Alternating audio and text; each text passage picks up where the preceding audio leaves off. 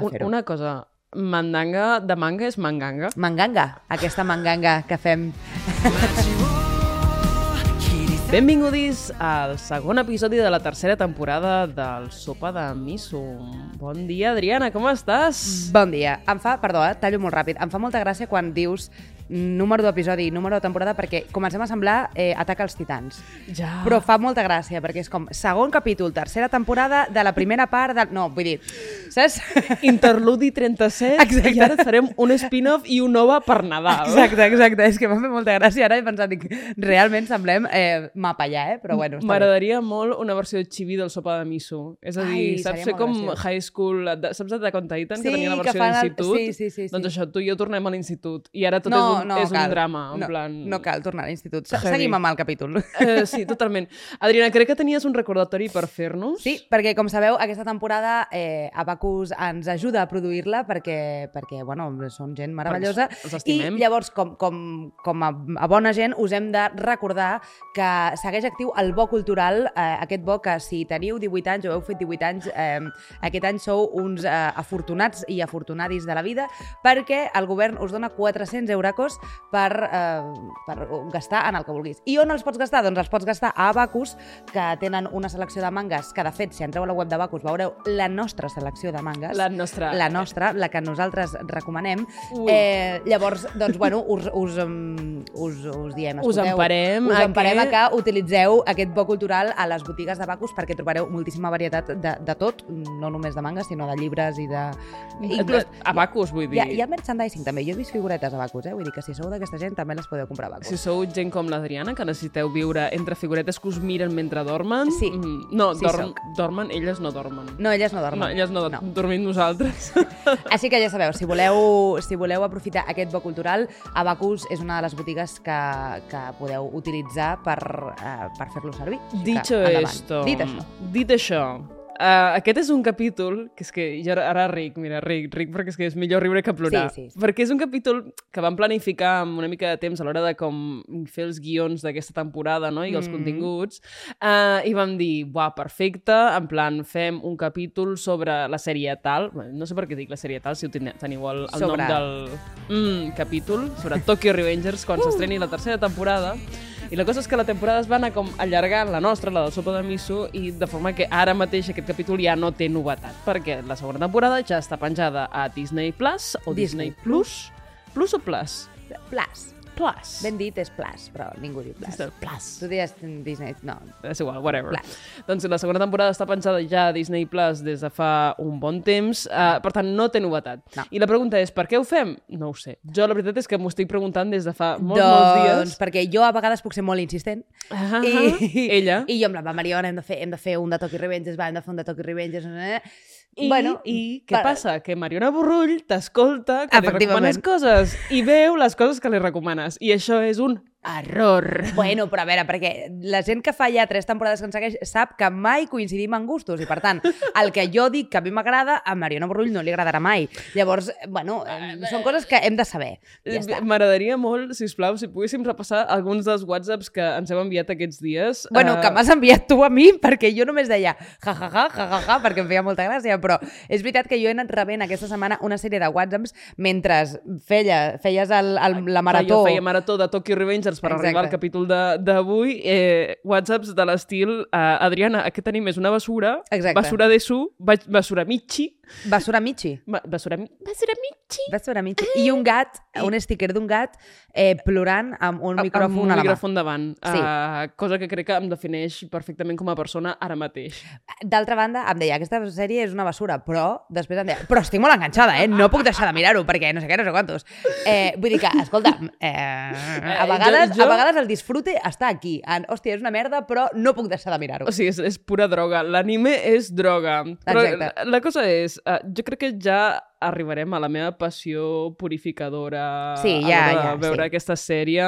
De moment hem preparat un, un petit, eh, diguem-ne, context per ambientar el que, el que és Tokyo Revengers, però sobretot el que són les bandes de pues, Tokyo Manji, per exemple, o Val... Valhalla! El Valhalla. Valhalla!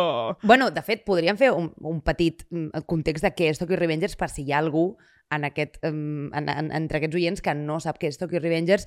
Eh, molt ràpidament, Tokyo Revengers és una sèrie que ara mateix té una temporada completa i una espècie de mitja temporada, perquè Mhm. realment el que hi ha a Disney Plus és com un arc petitet eh, centrat en el Nadal, vale? llavors és com una temporada i mitja, eh, teniu uns 30 capítols ara mateix, tampoc són gaires més.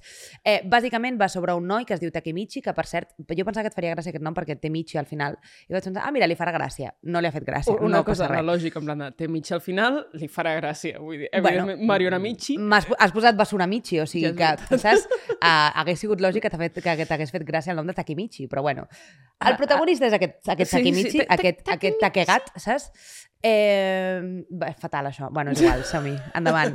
És molt d'hora, estem gravant això molt d'hora. Tot bé. Eh, el, el protagonista és el Takemichi, que és un noi que de cop descobreix que pot fer salts en el temps. Eh, I s'ho pren molt bé. i, sí, s'ho pren com una cosa som- com molt normal, rotllo. Sí, ok, it's, it, it's a normal thing, no? I llavors, bueno, aquest noi el que fa bàsicament és anar endavant i endarrere en el temps, eh, passat, present, passat, present, futur, de moment, jo encara no l'he vist, per tant, ah, suposem que només pot anar al passat i tornar, i mm, de moment no ho sé. mm, Bàsicament, no que ha d'arreglar la seva vida. I ha d'arreglar la seva vida perquè la, la, la, el seu crash permanent de la vida està mort. I llavors què vol? Doncs que no es mori, bàsicament. Sí, bàsicament és un Steins Gate sense ser bona. Ui, perdó. Sí, exacte. La- Em dedico a la crítica de cine, si us plau, no m'ho tinguin en compte. Doncs això, llavors, bàsicament, Tokyo Revengers és això. I aquest noi, quan viatja al passat, es troba amb tota una banda de... Aquí, de aquí. amb la Tokyo Manji, que ara explicarem què són aquestes bandes de, del Japó. Eh, llavors, bueno, ell s'ha d'introduir en aquesta banda que té les seves pròpies normes. Són uns canis de japonesos, bàsicament. Són uh, els canis japonesos que es dediquen, en lloc de veure el Super 3 japonès a les tardes, es dediquen a quedar al solar per pagar-se. o sigui, un gegant. So, uh, uh, there you go. un gegant. Són Però el- molts gegants junts. Es podrien dir com, en lloc de Tokyo Revengers, els gegants de Tòquio. Els gegants de Tòquio. Els gegants de Tòquio. doncs escolta... Novita! Ai, ara m'he imaginat una cercavila amb gegants de, de, dels barris de Tòquio. Però gegants, et refereixes gegants, gegants... els gegants d'aquí, els gegants de Catalunya. pensava que deies gegants de, Doraemon, estil... No, no. Saps la, la cercavila de pàprica dels somnis, terrorífica Sí. aquella, però amb el gegant de, de Doraemon, en plan, Novita, vine aquí que et pagaré! No, no, no, no, no. Ai, els de la Aviam. Manji cantant el gegant del pis, saps? Meravellós. Bueno, endavant. aquest tipus de aquest tipus d'individu, aquest espècimen se'n diu yankee a la, a la cultura japonesa tradicionalment yankee com, com yankee, cuidao, i són Com els gamberros... yanquis, com els, com els, Com els- els, els, los estadounidenses. eh, Bueno, com los estadounidenses eh, en todas partes, Sí, porque sí, yankee és universal. Sí, Yankee de su. yanqui de Ah, sud. En efecte, que són gamberros organitzats en, en bandes que es dediquen bàsicament a revelar-se, mm, diguem-ne, estètica, simbòlica, però també a la pràctica contra, contra la, la societat. Bàsicament, si volem situar-los en el món manga, és eh, la gent de Kraus, la gent de... Bueno, la gent, el protagonista de Yu Yu Hakusho, el Yusuke. Jo no Mhm. recordava com es deia el protagonista de Yu Yu Hakusho, de, de Yu Yu Hakusho, jo pensava es deia Yu Yu. Yu Yu. No, no es diu Yu Yu. O Hakusho. O Hakusho. No, no, Más o no és el cas. o el Hanamichi de Slam Dunk, que jo crec que és un exemple super, super clar. A internet trobareu grans aportacions sobre el tema, eh, que de fet nosaltres hem consultat com a bones periodistes mediocres que som. Sí som. Uh, sí, som. Uh, per exemple, un fil del Capità Urias, molt bo a Twitter, un vídeo de Neko Blog, és a dir, e- és un tema que ja s'ha tractat, però bueno, nosaltres l'encarem des de Tokyo Revengers, mm Mhm. específicament, i us diem, Tokyo Revengers té lloc a l'any 2000, però és veritat que la tradició del gamberro japonès ve de molt abans, i fins i tot molt abans del que se sol cronologi cronologitzar, posar en cronologia... Posar, posar en cronologia. És igual, del que solen dir els llibres d'història, nens, um, que és que ve, a, a principi ve de, de finals del segle XIX, quan, clar, pensem que Japó en aquella època ja s'havia obert completament al, al món i, per tant, com la moda occidental era el que es portava en aquell moment, no? Com que d'alguna manera la gent s'havia començat a vestir de forma occidental i ja no portaven, per exemple, tonsura, el cabell, ara portaven el cabell esmelenao, mm -hmm. vestien americanes, trajes, pantalons, és com ja, la gent ja, ja no anava amb yukates i amb, diguem-ne, amb vestimentes japoneses, wafuku. Vale. Um, de fet, el 90% de la població es vestia com si fossin, diguem, de persones occidentals en aquell mateix moment. De forma que, clar, una part de la població molt petita, molt petita, va decidir que, mm, que no estaven d'acord amb, amb això i van decidir que no estaven d'acord sobretot amb el fet que, clar, si tu eres japonès i havies de canviar tot el teu armari per vestir-te a l'occidental, havies de tenir un cert com nivell econòmic. Sí. Perquè, clar, comprar-te un nou armari per estar a la moda, evidentment, era, una, era una qüestió de classe pura i dura. Sí, sí. Bueno, I- però això segueix passant, diguem, Evidentment. a un nivell actual, o sigui, jo no vaig amb l'última moda, és que no m'ho puc permetre. A- En efecte. Saps el que et vull dir? Vull dir que Jo estic- més o menys això és, arreu, és a tot arreu, és, és el mateix. Jo estic posant de moda una altra vegada, en plan, els pantalons vells i... Ara hi ha una cosa que no es ven a les botigues, això és un parèntesi idiota, eh? Que, que són els pantalons baixos, o mitjans o baixos. És, ara és tot talla alta. I A mi em com- va perfecte això, perquè per desgràcia està tornant la, el talle bajo i no m'agrada gens. Però el taller bajo és meravellós. Bueno, bueno eh, eh, segons el tipus de cosa, a mi no m'agrada, o sigui, a mi em queda fatal, llavors a mi que torni el, el, el, el tir baix m'està matant. ja. Per sort tinc mo molts pantalons a la recàmera de tiro alto, llavors encara sobreviurem. Endavant, seguim amb Tokyo Revengers. sí, tornem-hi. La qüestió és, va haver un grup de, de gent um, que va decidir com rebel·lar-se contra aquesta nova moda que es deia el high collar, no? Que- aquesta moda occidental. I van començar a vestir ultratirats. És a dir, vestissin a la occidental o la, a la oriental, és a dir, vestissin com vestissin, no, no, no es limitaven només a vestir a la japonesa, sinó que el que feien era simplement vestir fatal expressament. És a dir, es passaven hores i hores i hores i hores currant-se looks que fossin el més ells n'hi deien bàrbars uh, possible. De fet, d'aquest Vale. grup se'n deia els Bankara. I era això, era gent que es tirava hores cada dia davant del mirall intentant com desarreglar-se i trobar les coses que combinessin menys possible. A finals del segle XIX, eh? Visca Japó. Uau. Visca Japó. Um, I clar, això ho feien per rebel·lar-se d'alguna manera socialment contra aquesta societat que els, els, els estava obligant d'alguna manera a, a anar superbé i superpolits, no? Que és molt japonès, una, una Sí, sí, sí, cosa sí, realment sí, sí, molt, sí, molt sí. japonesa. Uh, clar, i això és el mateix que en realitat el que feien els avis del, de la gent de Tokyo Revengers, no? Als anys 60. Uh, als anys 60 recordem que comença aquesta nova moda dels, del sub-party, sub-party se'n diu en aquell moment, que són gent, pandilleros que es reuneixen a Amèrica Mura no? i que es dediquen bàsicament doncs, a, a, armar, a armar escàndalo. No? Um, I clar, són un, uns grups de, de persones d'alguna manera que el que fan és bueno, reflectir la seva fascinació cap a que és la cultura americana, doncs això, vestint camises llampants, per exemple, posant-se tupers, que és moda americana entesa per un japonès, mm -hmm. mai més ben dit, però que alhora és veritat que adopten actituds molt, molt nacionalistes uh, japoneses. Són el Sub-Party, després hi ha la versió, evidentment, motera, que són els, els Bozokus... Ten- Tenen diverses classificacions, resurem, resumirem molt, no? Però és veritat que arriben al seu auge als anys eh, 80, 70, 80, amb, amb, quan es comencen a anomenar els Yankee. Yankee és una denominació molt dels anys, dels anys 80. Bàsicament Mhm. el que volen els Yankee és subvertir l'ordre social estrictíssim de l'empresa, de l'institut, aquest ordre social que t'obliga a relacionar-te diferent amb els teus companys de nivell eh, immediat o, o inferior que amb els teus caps, i, i el que volen és d'alguna manera com expressar la seva individualitat i la seva llibertat i la seva capacitat de transgredir les normes socials. Però què passa? Mm, hem vist Tokyo Revengers, vull dir... Um, eso és una jerarquia i punto. Vull Sí, dir, sí, sí, sí. fugen d'una jerarquia per entrar-ne en una altra mm, completament hieràtica i completa, completament jo crec que, sobretot, la paraula és molt, molt japonesa, molt tradicionalment japonesa.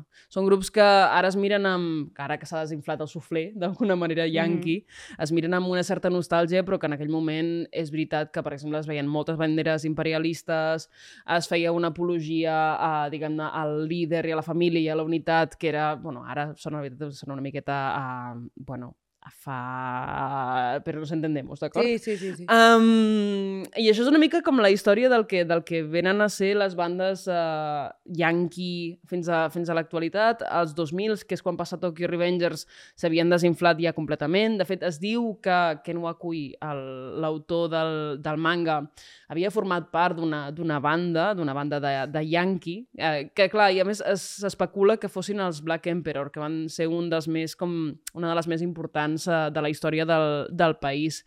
Bàsicament, per què s'especula això? Doncs perquè s'ha trobat una fotografia dels Black Emperor on surt una persona que és com físicament molt semblant a ell, però ell no ho ha confirmat mai. Vale. I també perquè es diuen que, de fet, els, el, la banda del germà de Mikey de Tokyo Revengers, que es diuen Black Dragon, Bla, Mm. Black Dragon, Black Emperor, vull dir, són dues paraules que, bueno, dos, dos Sí, noms sí, que dos semblen que podrien molt, no? ser molt similars. Sí. Exacte.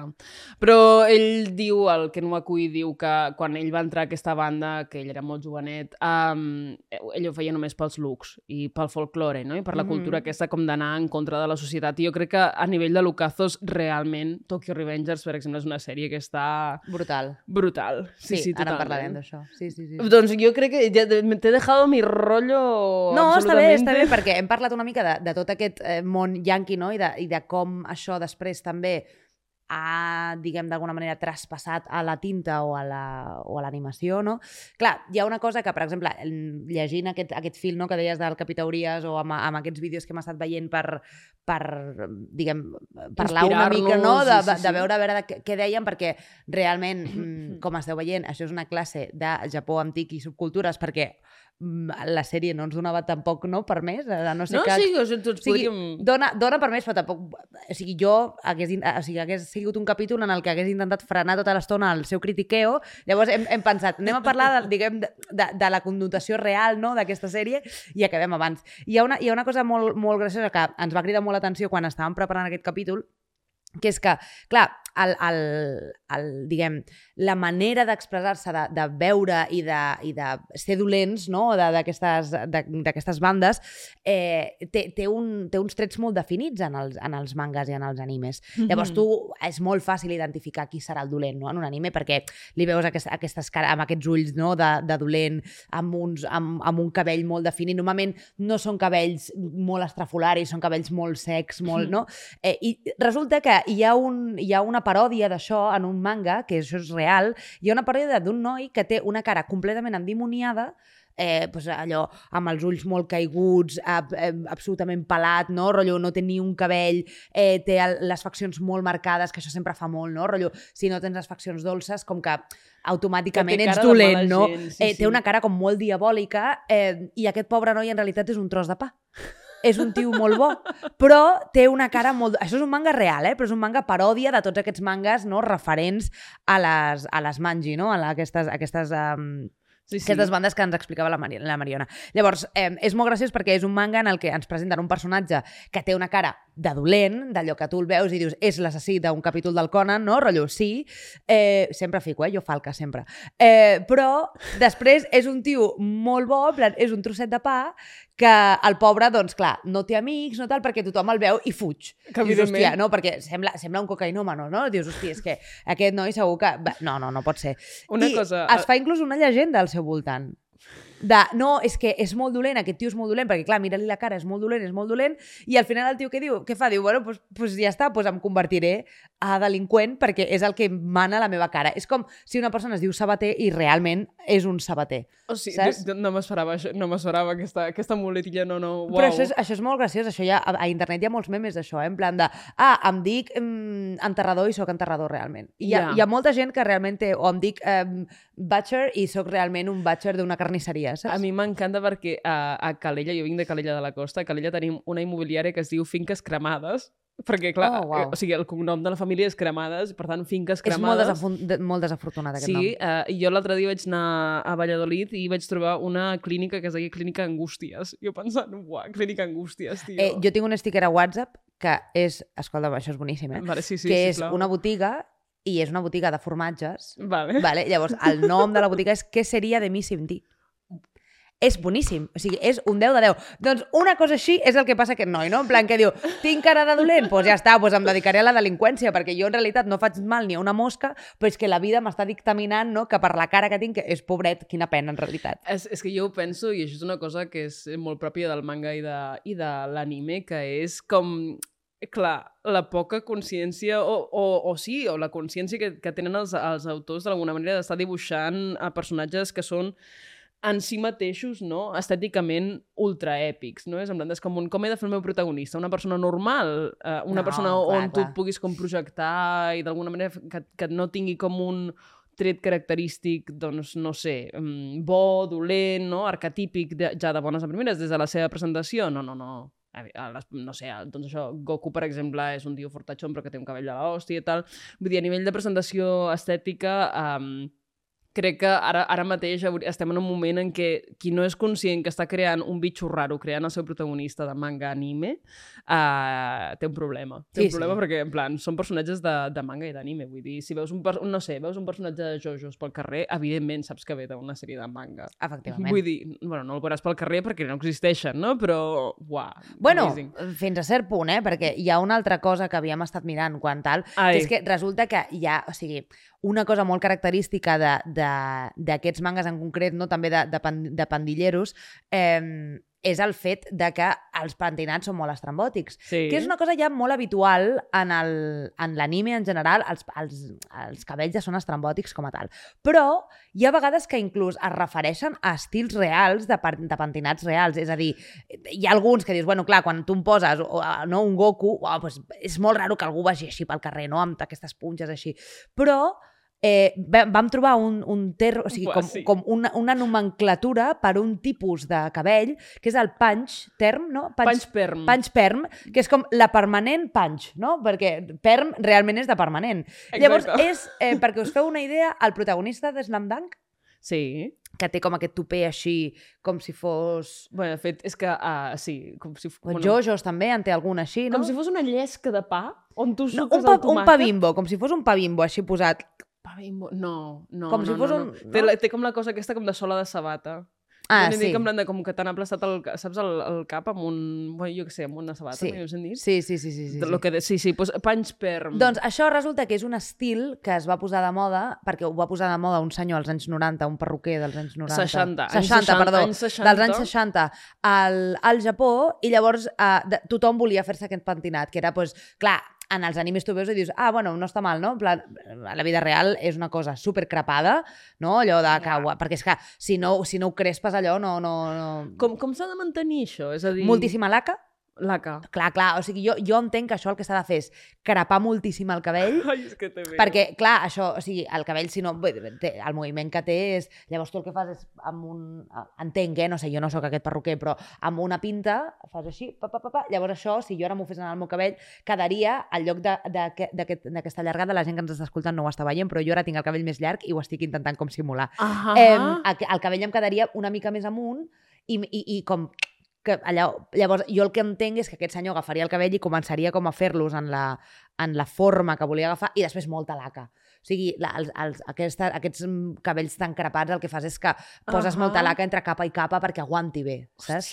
Llavors, clar, això al final del dia ha de fer un mal, tio, que no m'ho puc ni imaginar. Eh, tot per la moda, eh? Tot- eh tot all in. Però visca. clar, però clar, eh, i llavors això són, són patinats que es van posar de moda també una mica per, per, Bueno, per... Per, per tota aquesta estètica que envoltava no? aquestes, aquestes bandes. I Tokyo Revengers en alguns personatges ho recupera. Sí, definitivament. De, de fet, Tokyo Revengers, si, si una cosa té... Uh, I em sembla que, de fet, era com uh, la, el teu primer punt, gran punt A positius favor. a favor Sí. de, la, de la sèrie eren els Són els looks, sí, perquè hi ha una cosa que a mi em va agradar molt de, de Tokyo Revengers. És veritat que, o sigui, a mi m'agrada, no sóc la, la, la, la gran fan de Tokyo Revengers, Una eh? cosa, vale, és a dir, aquí, pausa. És a dir, jo m'he hagut de tragar tot Tokyo Revengers, en plan, perquè volia ser un capítol de Tokyo Revengers i ara no ets la gran fan de no, Tokyo Revengers. perquè a veure, tampoc puc ser la gran fan de tot, o sigui, no, evidentment, però o sigui, és una sèrie que em va agradar, que em va entretenir, que tinc, vull dir, que tinc moltes ganes de seguir-la, que tinc els mangas que han anat sortint, en català, per cert, eh, els podeu trobar a Bacus, podeu comprar amb el Bo Cultural,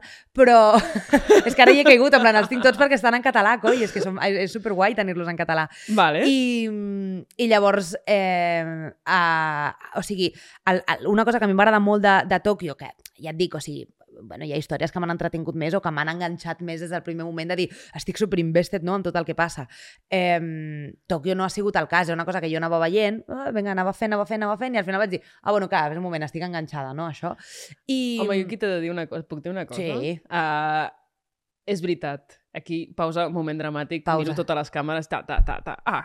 Uh, és, uh, és veritat. Jo em vaig enganxar Moltíssim. a aquesta sèrie de merda. Sí, sí. Vull dir... Però és que jo crec que és el que ha passat, eh? Que amb, to- o sigui, Tokyo Revengers hi haurà gent que genuïnament li haurà agradat i li haurà agradat moltíssim, però eh, enganxa molt. T'agradi més o menys, o et Vull sembli dir- més bona o més dolenta, enganxa molt. O sigui, literalment eh, té una temporada sencera dedicada a crear tots els punts de gir i tots els nusos dramàtics. D'això se'n diu, no? Quan, quan una acció rellança, diguem, de l'acció a, una altra, a una altra direcció, se'n diu un nus dramàtic. Té Mhm. tots els nusos dramàtics, diguem-ne, estructurats perquè tu constantment, d'alguna manera, estiguis esperant que passi alguna cosa més, perquè més la sèrie va lenta de nassos, um, però alhora sempre, o sigui, no puguis saltar-te un capítol sense que hagi passat una cosa important. I això és horrorós, perquè és literalment com mm, això, la, la dosi de la droga mm, constant. Sí, sí, sí. Per sí. tant, està mal feta, però enganxa... Mm, Clar, enganxa moltíssim, mueres. enganxa moltíssim. I una cosa que crec que és molt destacable de la sèrie són precisament els looks dels, dels, dels personatges que ens presenta. Clar. Et diria només els protagonistes, però és que seria mentida, perquè realment tots els looks de tots els personatges, inclús els secundaris, són molt xulos. Per començar, els uniformes, perquè tota, surten diferents bandes, no? Llavors, cada banda, que si els Valhalla, que si els Manji, que si els no sé què, ta, ta, ta, ta, tots tenen el seu propi uniforme. Sí. Evidentment, a mi m'agrada molt el dels Manji, perquè tenen com no, aquest toc amb, negre amb els, amb els ribetitos, aquest, bueno, amb les, les Com inscripcions El- així, les inscripcions en daurat o, bueno, en, en groc, no? Però és, sí, Daurat, això, daurat. Seria daurat, evidentment. Eh, M'agrada molt el, el, aquesta part uniformada, que això és molt japonès també, no? De tots amb els uniformes escolars, no? Doncs tots amb els uniformes de la banda. Eh, M'agrada molt. Crec que és una cosa que dona molt de joc, que identifiques molt ràpid els tenint en compte que són de 7.000 bandes diferents i que arriba un moment que dius quanta penya hi ha en aquest plano, no? En plan de no puc assumir tants noms, Mhm. eh, està molt bé. I després m'agraden molt també els, els looks dels, dels personatges, perquè hi ha looks molt irreals, sí. però hi ha looks molt reals també. Perquè vull dir, el look del Mikey és un cabell completament normal, és a dir, Buah, és que, en plan... és un cabell que podria assumir qualsevol persona rosa, o, o, o saps? Clar, el... el mm, Mikey, és- Mikey, per cert, surfero, eh? Si no fos adolescent, diria que està molt bo. Ja Mikey està, és molt cookie, a mi el Mikey m'agrada molt. El Mikey potser del futur, no? no del... Perquè, clar, Tokyo Revengers, la grandíssima majoria de la sèrie se situa en el passat, Clar. que els personatges tenen uns 16 anys. Eh... Ah, bueno, clar, llavors Quan podem estem dir que el està molt bo futur- en el futur. Clar, quan estem en el futur, que és quan comença la sèrie, abans que el Takemichi faci el primer, mm, que, diguem, viatge al passat, eh, tenen 26, 27 aproximadament, 30 alguns inclús, perquè alguns són més grans. Vull dir que, bueno, no està tan malament.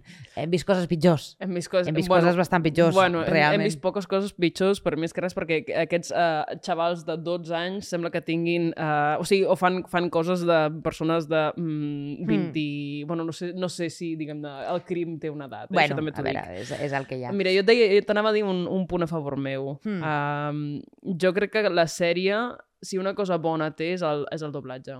Per què? Doncs perquè està, està animada molt regular, molt, molt regular, però uh, té un doblatge que arriba allà on l'animació no, no, no arriba. pot arribar. Sí, Exacte. completament d'acord. I ho diu els gemidos de la Gina i ho, i ho diu absolutament els brams del Takemichi. Bueno, és que el Takemichi, i això jo t'ho deia quan estava, quan, perquè quan estava començant la Mariana deia, hi ha algú que no sé què, dic, no, ja jo sé el que no és, és que el Takemichi és el típic ploramiques, que ja hem tingut algun capítol aquí al Sopa de Miso en el que hem parlat dels nens ploramiques que no ens agraden i el Takemichi és un nen ploramiques. Totalment. O sigui, és un nen ploramiques que intenta no ser-ho, però que ho és, en La, la, definitiva. la cosa amb el personatge del Takemichi és que no pots dissenyar un protagonista uh, perquè l'únic que faci a la sèrie és dir ja vai, sugué i d'alguna manera digui sí, jo ho he d'intentar, ho intenti, ho intenti i al final acabi solucionant el, el dia el Deus Ex Màquina de torn. Però esto, si quieres, lo hablamos Draken. después.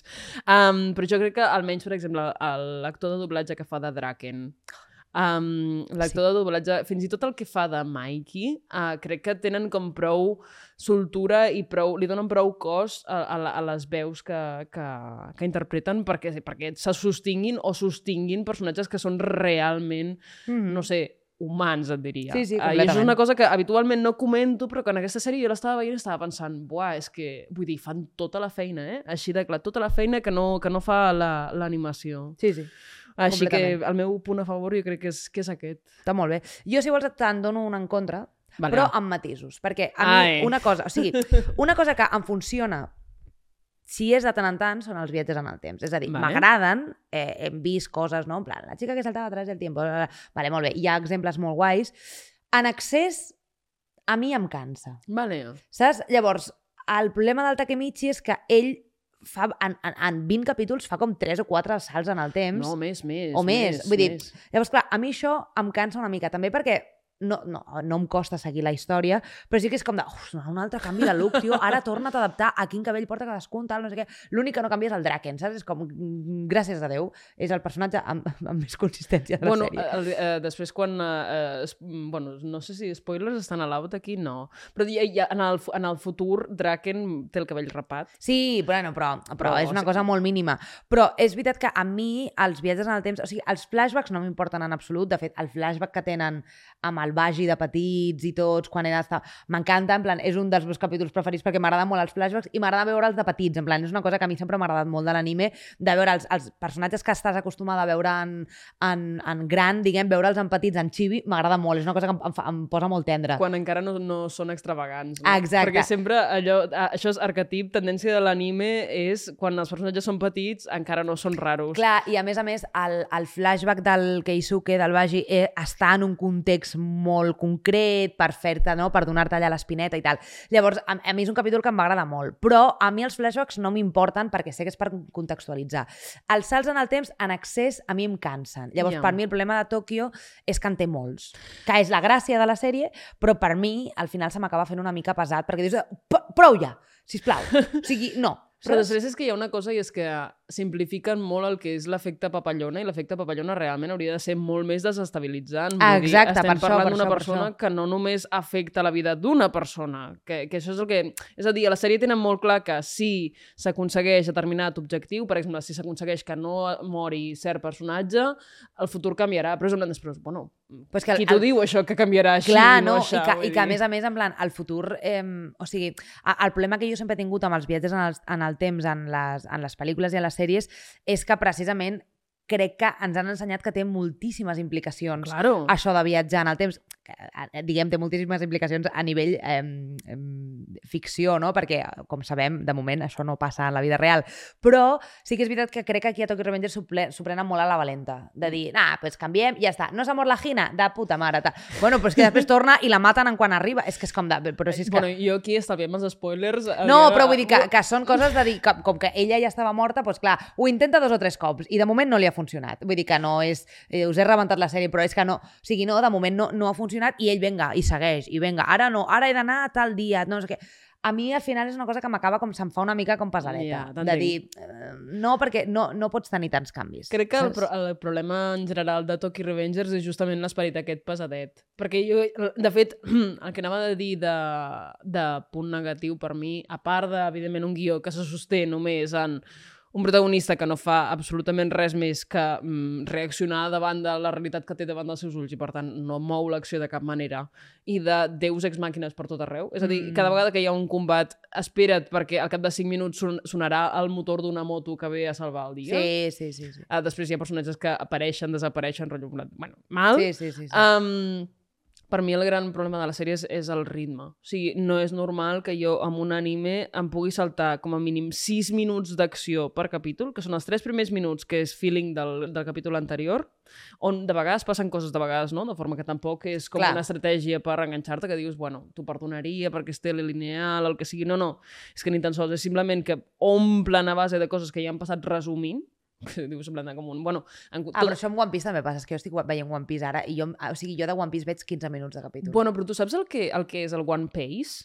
One Piece és un moviment que s'ha... De fet, és un grup de gent que, que existeix arreu del, del món, una comunitat online que es dediquen a agafar els capítols de l'anime que es pugen de One Piece i a retallar-ne tots els fragments que no apareixen al manga perquè siguin com mm, el més fidels possibles al ritme de la història de, de Oda. Ah, però bueno, això és el que... Vull dir, jo estic veient One Piece amb una llista davant de quins són els capítols palla i aquells no els veig. Però fins i tot dins els capítols. És a dir, tots aquests Hosti, flashbacks... currasso, no? Sí, cl- clar, clar, la cosa és, de- és una comunitat molt gran, a més, és una comunitat molt tancada, molt canònica, té la seva part negativa també, eh? Perquè Uau. és com la gent... Saps els fans de Star Wars que només acceptaven un canon i que Sí, van... sí, sí, bueno, sí.